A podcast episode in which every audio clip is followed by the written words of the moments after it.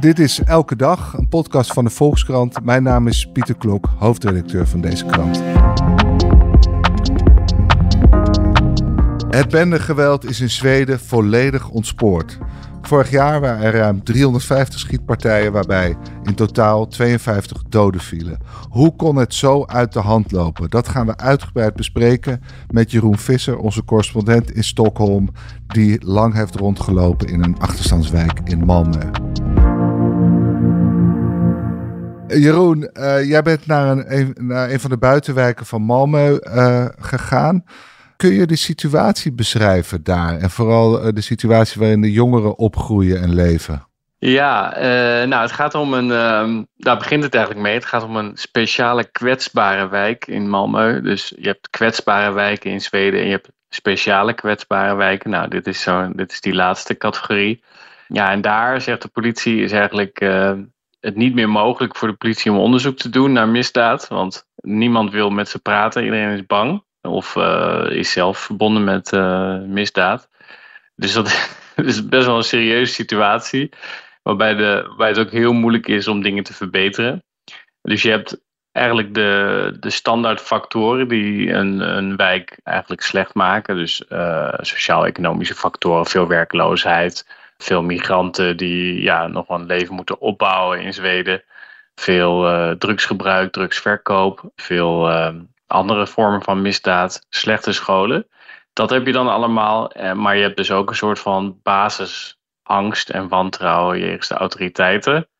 Eh, nou, en die cocktail maakte eigenlijk dat in dit soort wijken er meer dan elders jongeren eigenlijk gerecruiteerd worden door bendes. En die typologie uh, waar je net naar verwees, uh, die kwetsbare wijken en een heel kwetsbaar, speciaal kwetsbare wijk, is, is die van de overheid? Worden wijken echt zo aangemerkt van dit is zo'n gebied, daar heeft het geen zin om, om nog onderzoek te doen? Ja, dat is, nou ja, ja, dat is uh, door de politie doet dat. En dat doen ze eigenlijk juist omdat het in Zweden altijd een beetje moeilijk was om dit soort dingen te benoemen. Hè? Zweden is natuurlijk een politiek correct land, of was het in ieder geval. En ja, dit is een manier om te zeggen: oké, we noemen het beestje bij de naam. Deze wijk is uh, gewoon slecht en daar moeten we in investeren. Dus het is ook een oproep om er iets aan te doen. Dus het is tweeledig. En uh, ja, de politie analyseert dat elk jaar weer en uh, publiceert dan weer een lijst. Dus je, ja, als je er naartoe gaat, dan weet je wat je er kunt aantreffen. Maar wat, wat, als je daar op straat loopt, voelt het ook als een ghetto? Of, of wat, nou, dat is dus het interessante. Het is, het, dat is ja en nee. Uh, nee, het ziet er gewoon prima uit. Het is, het is en blijft Zweden, dus alle plantsoenen zijn aangeharkt. Uh, het afval wordt opgehaald. Uh, de huizen zijn, zien er prima uit. Het zijn wel allemaal jaren 60, jaren 70 flats met kleine appartementen. Maar in principe ziet het er allemaal prima uit. Alleen als je dan wat langer er bent en je gaat verder kijken en je loopt s'avonds door die wijken, zoals wij natuurlijk eh, ook hebben gedaan. Ja, dan zie je dus, uh, dan begint je op te vallen dat er, dat er veel uh, drugshandel is. en het begint eigenlijk al met de busrit van het centrum naar die wijk. Dus ik stapte de bus in en een andere bus reed weg. En uh, er zat een jongetje in van een jaar of 15 en die stak de middelvinger naar mij op. Nou, dat had ik nog niet meegemaakt in Zweden, maar goed, dat zegt op zichzelf nog niks. Maar in die bus vervolgens naar die wijk, uh, ja, waren we getuigen van een opstootje in de bus, een kleine vechtpartij, uh, allerlei dronken mensen die daar op de stoel zitten en zo. Dus eigenlijk ga je, is de rit naar, van het centrum van Malmö naar die wijk eigenlijk al een ervaring op zich. Ja, en dan in die wijk vervolgens uh, ja, zijn we zelf ook, hebben we zelf ook gezien dat toen we uh, foto's probeerden te nemen met een drone, dat er dus uh, jongetjes naar ons toe komen. En dat zijn echt jongetjes van een jaar of 12, 13 die zeggen van wat kom je hier doen? Ga maar een eentje verderop, want hier mag je niet filmen. Hey, en in 2023 werden meer dan 300 jongeren tussen de 15 en 17 aangeklaagd voor moord of een poging daartoe. Zijn dat ook jong uit, dit soort wijken? En waarom zijn ze zo jong? Waarom worden ze zo jong gerecruiteerd al? Ja, dat is, dat is een strategie van de bendes. Dat is eigenlijk de hoofdoorzaak. Dus die, uh, ja, die hebben jonge kinderen nodig, tieners, om, om dingen voor ze te doen waar ze zelf geen zin in hebben.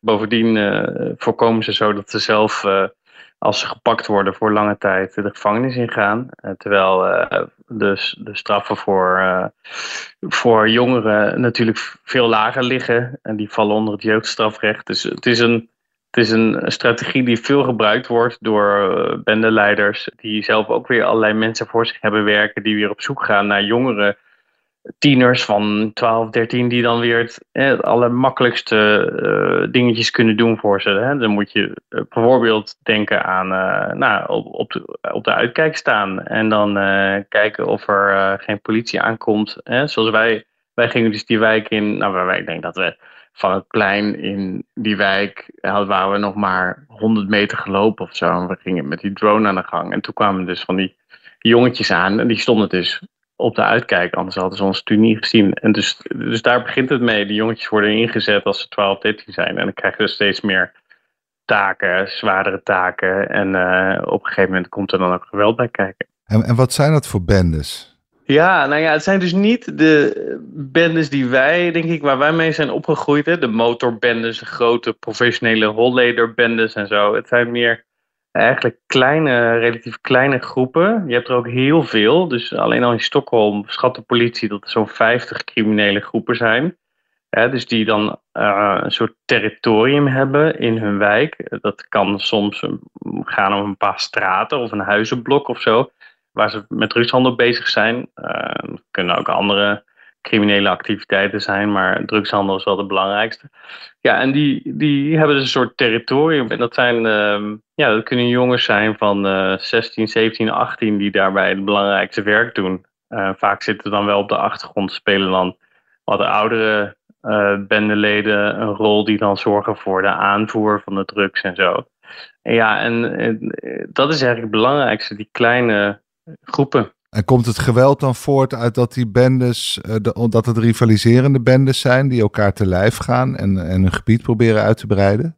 Ja, precies. Het gaat eigenlijk altijd inderdaad over ruzies. Soms tussen bendes, eh, maar ook heel vaak gewoon in bendes. Want je moet je voorstellen dat het eigenlijk, het gaat dus niet om professionele bendes, hè, om maar zo te zeggen, die heel goed georganiseerd zijn en heel groot zijn en al jaren functioneren. Het kunnen dus ook groepen zijn die eigenlijk als vrienden tieners begonnen zijn en zich steeds uh, hun activiteiten steeds meer hebben uitgebreid.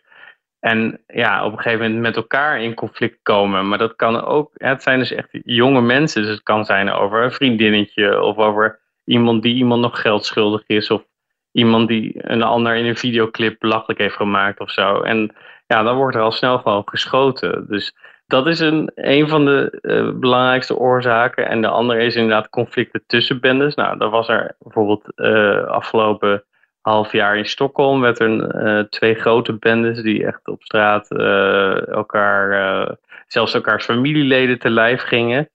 Ja, en dan, dan krijg je dus een fase waarin er in een korte tijd allerlei explosies en schietpartijen zijn. Uh, ook in de buurt van mijn huis. Uh, ja, en dat is, ja, dat is dan echt super gewelddadig. En dan schiet ze gewoon iedereen die zeg maar een band heeft op een bepaalde manier met zo'n bende. Die is dan een doelwit geworden. Maar die slachtoffers zijn wel meestal zelf bendelid of, of in ieder geval aan een bendelid gelieerd.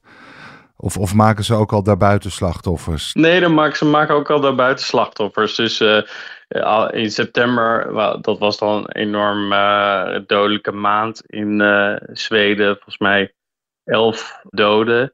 Dat ging ook om familieleden, bijvoorbeeld moeders van bendeleiders en andere familieleden die dan ineens doelwit waren.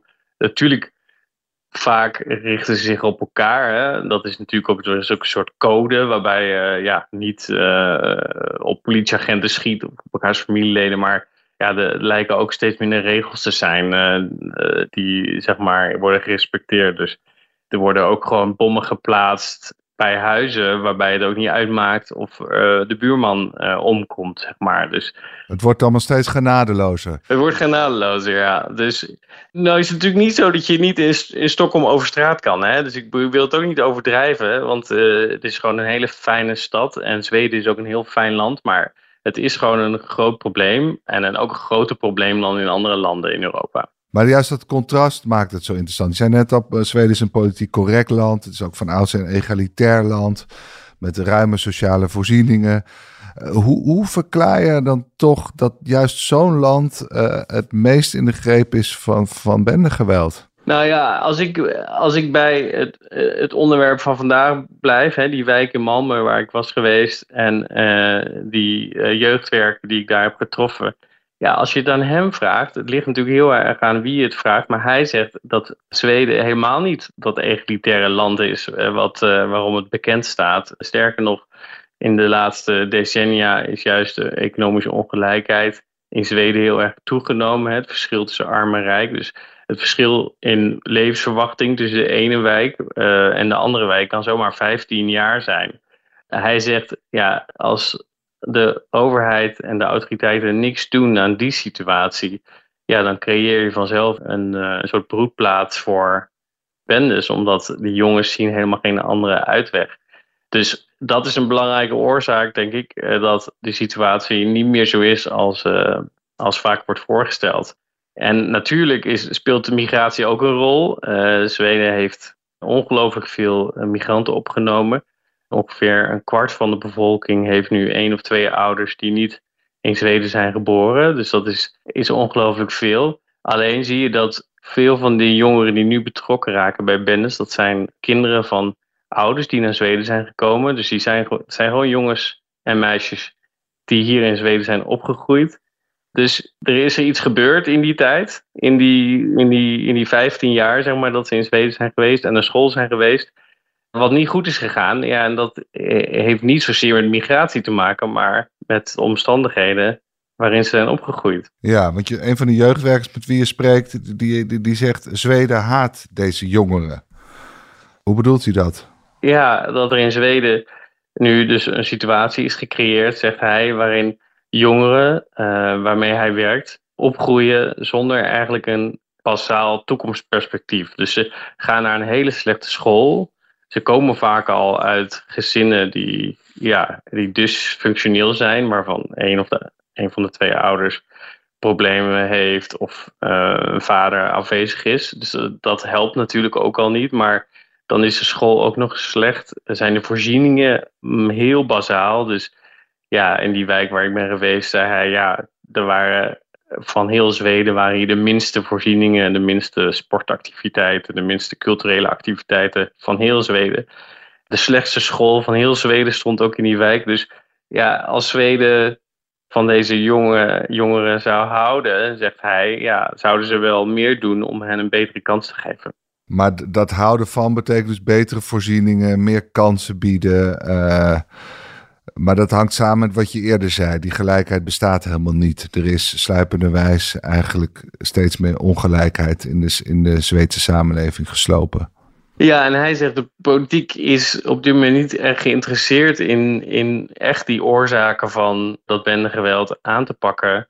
Want dan zouden ze wel meer investeren in de, in de, in de situatie waarin die jongeren opgroeien. Kijk, je kan natuurlijk niet achter de voordeur altijd die jongeren helpen. Dat is, ja, die hebben nou eenmaal te maken vaak met moeilijke omstandigheden waarin ze opgroeien. Maar je kunt wel veel meer doen met beter onderwijs, betere voorzieningen, betere begeleiding, meer uh, sociaal werk zodat je die jongeren al vroeg uh, een soort thuis biedt, anders dan hun eigen huis, waarin ze ja, een soort plek vinden. Want nu zoeken ze die plek en het respect wat ze niet krijgen, zoeken ze nu in die bendes. En zijn er nou politici die dit nog verwoorden in Zweden, of is dat helemaal uit de mode geraakt? Nou, het is wel echt helemaal uit de mode geraakt. We hebben natuurlijk nu wel een, uh, een centrumrechtse regering en die wordt gedoogd door uh, de Zweden-democraten, dat is zeg maar de Zweedse PVV. Dat is binnen die coalitie ook de grootste partij. Dus die hebben ook heel veel invloed. Ze hebben dus niet de premier geleverd, maar wel de grootste partij. Ja, en wat je dus nu hoort is vooral heel veel uh, law and order. Hè? Dus uh, harde straffen, aanpakken, afluisteren. nou ja, het leger inzetten. Hè? Daar kwam de premier van Zweden afgelopen september mee op de proppen. Hè? Hij gaat het leger inzetten tegen het bendegeweld. hoe is niet helemaal duidelijk, maar dat zijn allemaal geluiden en signalen die vooral duiden op repressie. en niet zozeer het geluid ja, wat de jeugdwerker graag wil horen, namelijk we gaan die situatie aanpakken waarin dit allemaal kan ontstaan. Migratie, wordt daar ook veel over gesproken? Dat, dat er ook naar dit geweld wordt gewezen en gezegd: kijk, dit gebeurt er als je ruimhartig vluchtelingen toelaat? Zeker, ja. ja de, uh, natuurlijk, de Zweden-democraten die hameren hier al uh, heel lang op. Hè. Die zeggen: dit geweld komt door migratie. Dus als we migratie, als we stoppen met migratie, dan is dat ook een begin van een oplossing van het bendegeweld. En je ziet nu dat dat geluid ook wordt overgenomen door uh, de premier van Zweden, die leider is van de liberale partij hier, het soort de VVD. Uh, ja, die uh, had afgelopen september een speech over het bendegeweld. dat was na die hele bloedige maand in september. Waarbij hij ook zei dat hij het leger ging inzetten. Nou, en, en daarin zei hij: Het is ook gewoon een bewijs dat we iets moeten doen aan de migratie. En dat we eigenlijk jarenlang in Zweden veel te veel mensen hebben toegelaten. Dus ook hij, de premier van Zweden, eh, zegt nu ook dat, legt nu ook die link tussen het bendegeweld en migratie. Ja, en zelfs de Sociaaldemocraten, de, de, de, de, grootste partij van Zweden, maar nu in de oppositie, ook die zeggen van ja, uh, we moeten echt wel wat doen aan de migratie, want het wordt allemaal te veel. Die leggen nog niet direct die link, maar die zeggen wel van we moeten de migratie beteugelen. Dat geluid is nu gewoon heel erg in de mode in Zweden. Maar goed, de, de, de, de, meeste leden van die bendes zijn van migrantenafkomst, neem ik aan. Of misschien wel allemaal. En, en zijn er nou nog bepaalde groepen over, oververtegenwoordigd? We hebben natuurlijk in, oudere immigratielanden, zoals, zoals de Verenigde Staten, gezien dat uh, nou, de Italianen hadden een maffia. Uh, je zag heel erg ook geweld wat aan bepaalde bevolkingsgroepen gerelateerd was. Zie je dat in Zweden ook? Of is het meer een soort fenomeen over de volle breedte? Het is heel gemixt en er zitten inderdaad heel veel migrantenjongeren bij, maar niet, uh, niet allemaal. En binnen die migrantengroepen heb je dan weer Somalische groepen, Koerdische groepen, Syrische groepen, uh, Irak. Dus uh, daar is eigenlijk ook, als je vraagt naar, je speelt etniciteit een rol, dat, die conclusie kan je eigenlijk niet trekken omdat het zo, zo breed is. Ja, of etniciteit of cultuur, de Italianen namen natuurlijk een maffiacultuur mee naar Amerika, maar dat zie je hier minder. Of dat is niet duidelijk. Nee, je had voorheen wel in Zweden dat, dat er veel uh, uh, vluchtelingen uit de Balkan hier werden opgenomen. Nou ja, daar kwam heel veel bendevorming uit voort. Maar dat is inmiddels echt helemaal ingehaald door een, een nieuwe beweging van ja, allerlei kleinere, lossere bendes. Ja, en, en, daar zie je wel vaak dat binnen de bendes veel leden dezelfde uh, culturele achtergrond hebben. Maar uh, er zijn heel veel verschillende soorten bendes met veel verschillende soorten achtergronden. Maar die Balkan is helemaal verdwenen. Ja, in Nederland zie je natuurlijk ook dat, dat die Joegoslavische criminaliteit op de achtergrond is geraakt. Dat, dat was ook een beetje de cultuur waar Slatan Ibrahimovic uit voortkwam, toch? Nou, in ieder geval wel. Hij groeide op in Rozenberg. Hè. In, uh, dat is zo'n uh, beruchte wijk in, uh, in Malmö. Uh, en ja, die, ik denk die situatie die ik, beschrijf in het, in het stuk over deze jeugdwerker en zijn uh, jongeren die die probeert te helpen, was is eigenlijk ook van toepassing, denk ik, op de situatie waarop uh, Slatan opgroeide. Maar Jeroen, hoe verwacht je dat het verder gaat? Zal, zal dit leiden tot een verder verharding in de Zweedse samenleving en dat, en dat Zweden ook eigenlijk helemaal van gedaante verandert? Door de aanpak van dit probleem uh, definitief uh, uh, niet meer politiek correct is? Daar lijkt het wel op, ja. Ik denk dat de komende jaren dat we ook veel nieuwe wetsvoorstellen gaan krijgen. Oh, nou ja, er zijn al een aantal in de maak. Maar, maar die zijn dus ja, veel gaan dus over zwaardere straffen. Of het, de mogelijkheid om tieners af te gaan luisteren. Of bijvoorbeeld af te luisteren in jeugdhuizen waar ook veel jongeren worden gerecruiteerd. Dat soort geluiden hoor je nu eigenlijk. En de verwachting is wel dat dat onder deze regering de komende jaren doorgaat. De vraag is wel, ja, is dat dan de oplossing? Want die omstandigheden in die wijken blijven natuurlijk hetzelfde. En ja, het is ook een beetje een soort van. Uh, lijkt ook een beetje een onmogelijke taak om dat heel snel te veranderen. Want het, is, heeft natuurlijk met huisvestingsbeleid te maken. En met uh, heel veel investeringen. Terwijl ja, Zweden nu ook een beetje in een economische dip zit. En ook al het huisvestingbeleid is natuurlijk ook iets niet wat je zomaar verandert. Doe uit Nederland kennen we natuurlijk achterstandswijken, maar als je hier in Stockholm bijvoorbeeld, waar ik woon, naar een achterstandswijk gaat, dan ga je, is het echt alsof je een soort gedaanteverwisseling ziet. Ik bedoel, de mensen die daar wonen tegenover de mensen die in het centrum wonen, uh, dat is gewoon een wereld van verschil. Uh, dus dat verander je ook niet zomaar. Zweden is gewoon veel gesegregeerder in dat opzicht dan, dan Nederland. Goed, eh, dat, die inzet van het leger waar, waar de, de premier naar verwees, is het daar al van gekomen? Wat kan het leger überhaupt doen? nou ja, dat is, dat een goede vraag. Ja, geen idee. Nee, het is nog niet van gekomen. En het is ook eh, totaal onduidelijk hoe dat er vorm moet krijgen. De Zweedse premier zei toen van ja, uh, zij kunnen dan misschien taken overnemen van de politie, zodat de politie meer uh, mankracht en middelen overhoudt om het echt politiewerk te doen. En dan gaat bijvoorbeeld over het verkrijgen van inlichting of zo, over die bendes, afluisterapparatuur. Maar ik heb echt de indruk, en je, je merkt, je hoort die analyse hier in Zweden ook wel veel, dat het dat het echt symboolpolitiek is. En dat het een manier is om te zeggen: we nemen dit echt heel serieus en dit is onze prioriteit. En op zich is dat niet eens zo erg. Ik bedoel, het leger inzetten is natuurlijk niet echt een goede, of volgens mij niet echt een oplossing. Maar op zich, de vorige regering, ja, daar hoorde je toch veel minder de boodschap van: nou, dit is echt een groot probleem en we gaan het eens even goed oplossen. Uh, dus het feit dat het nu serieus wordt genomen, is denk ik wel winst ja, of ze de goede oplossingen kiezen, uh, ja, dat vraag ik me af. Kunnen we nog iets van leren als Nederland, Jeroen? Hier is het natuurlijk lang niet zo erg, maar bij een paar patronen die je schetst zie je hier ook wel. Hè? Een samenleving die toenemende mate gesegregeerd raakt. Veel immigranten, veel kwetsbare immigranten. Zie je daar nog parallellen? Nou ja, hier verwijzen we wel altijd naar Rotterdam, want daar komt de drugs uiteindelijk van, vandaan. Hè? Dus uh, ik bedoel, dat is natuurlijk een beetje flauw, maar dat is, uh, ja, dat is wel zo. Dus daar, daar zou Nederland natuurlijk al wel het kunnen doen. Maar als het gaat om integratie, ja, dan denk ik dat het in Nederland toch iets beter is georganiseerd. Bijvoorbeeld met huisvestingsbeleid dan in Zweden. He, want wij in Nederland wordt al veel langer ingezet op het gemengde wonen en uh, het mixen van uh, koophuizen en huurwoningen. Ik denk dat dat eigenlijk heel goed is. Ik denk dat een heel belangrijke les is dat je moet kijken naar de kwaliteit van de scholen. Dat er een soort basisniveau is die overal hetzelfde is. Uh, want als die jongen uit dat stuk die ik heb gesproken, ja, als je hoort hoe hij zijn school beschrijft, ja, dan, dat, dan denk je, hoe, kan dat, hoe heeft dat ooit kunnen gebeuren in een land als Zweden, hè, waarin ja, je toch altijd hebt gedacht dat er een soort van basisniveau was aan voorzieningen en dat alles goed geregeld was. En dat uh, ja, vanuit een sociaal-democratische gedachte ook ja, iedereen gelijke kans had.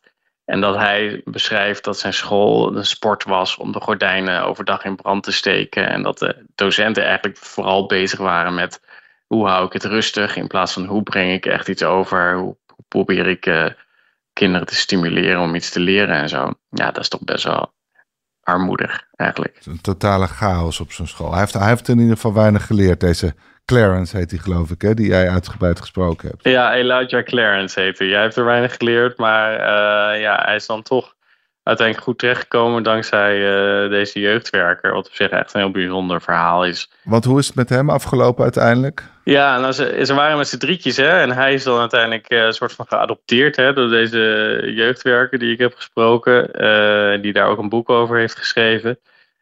ja, met hem is het heel goed gegaan. Hij, hij is eigenlijk bij hem, bij de jeugdwerker opgebloeid. hij was een hele goede basketballer. Het waren ze eigenlijk alle drie. Maar hij heeft dan echt eh, geschopt tot, uh, tot prof. Hij, is nu, uh, hij speelt nu in het Zweedse nationale team. Maar zijn twee vriendjes, met hen gingen minder goed. Dus een van hen zit in de gevangenis voor moord. En de ander, ja, die is zwaar gewond geraakt toen hij een bom plaatste bij een huis. Ja, en dat is natuurlijk ook wel tragisch als je bedenkt van uh, wat is er dan nodig om zo'n jongen te redden. Uh, ja, en, en dat kan natuurlijk ook niet bij iedereen. Nee, maar dit is adoptatie. De, de, hij ging echt ook wonen bij de jeugdwerker? Of? Ja, precies. Dus, uh, en dat is natuurlijk niet volgens het boekje. En hij, hij, dat beschrijft natuurlijk in dat boek dat hij eigenlijk, ja, dat is niet wat een professioneel jeugdwerker doet, maar ja, hij bouwde zo'n band op met deze, met deze Elijah. En die had eigenlijk alleen maar zijn moeder. Die was alcoholverslaafd. En het ging steeds slechter met die moeder. En toen heeft hij gevraagd of hij niet, eerst niet een tijdje eventjes bij, uh, bij de jeugdwerker mocht uh, verblijven. En, uh, ja, en dan een week werd een maand en een maand werd een jaar. En uiteindelijk heeft hij ruim twee jaar bij hem gewoond. Voordat hij dus een plekje kreeg op een basketbalschool in Amerika.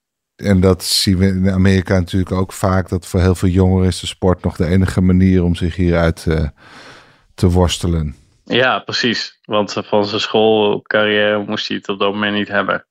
Dus op zich uh, is het een triest verhaal, verpakt in een hoopvol verhaal. Ik was natuurlijk ook op zoek naar een manier om dit verhaal te vertellen. Want je komt natuurlijk heel, uh, niet zo snel bij die jongens in die bendes. Hè. Dat is heel moeilijk. Die praten al niet met de politie, laat staan met journalisten. En als dat nog een keer lukt, is dat mooi natuurlijk. Maar ja, ik zocht naar een manier om om toch iets van die. Hoe is het dan om op te groeien in zo'n wijk? En hoe, ja, wat is dan, wat is dan uh, het, punt waarop je zegt: Oké, ik, uh, ik zie het niet meer zitten of ik ga bij zo'n bende? Want dat lijkt me wel een goed idee. Ja, en uh, ik denk dat, dat dit verhaal maakt het in ieder geval een beetje inzichtelijk ja, hoe het kan dat zoveel jongeren in Zweden die beslissing maken. Zeker. Nou, alle luisteraars moeten het ook nog gaan lezen. Mag ik je heel erg danken, Jeroen, voor je heldere verhaal. Graag gedaan. En u luisteraar, dank voor het luisteren naar de Volksstand Elke Dag. Deze aflevering werd gemaakt door Lotte Grimbergen, Julia van Alem en Rinky Bartels. Wilt u de Volkskrant steunen? Dat kan, vooral door een abonnement te nemen. En dat kan u voordelig via volkskrant.nl slash podcastactie. Want deze podcast is gratis, maar onze journalistiek is dat niet. Morgen zijn we weer. Tot dan.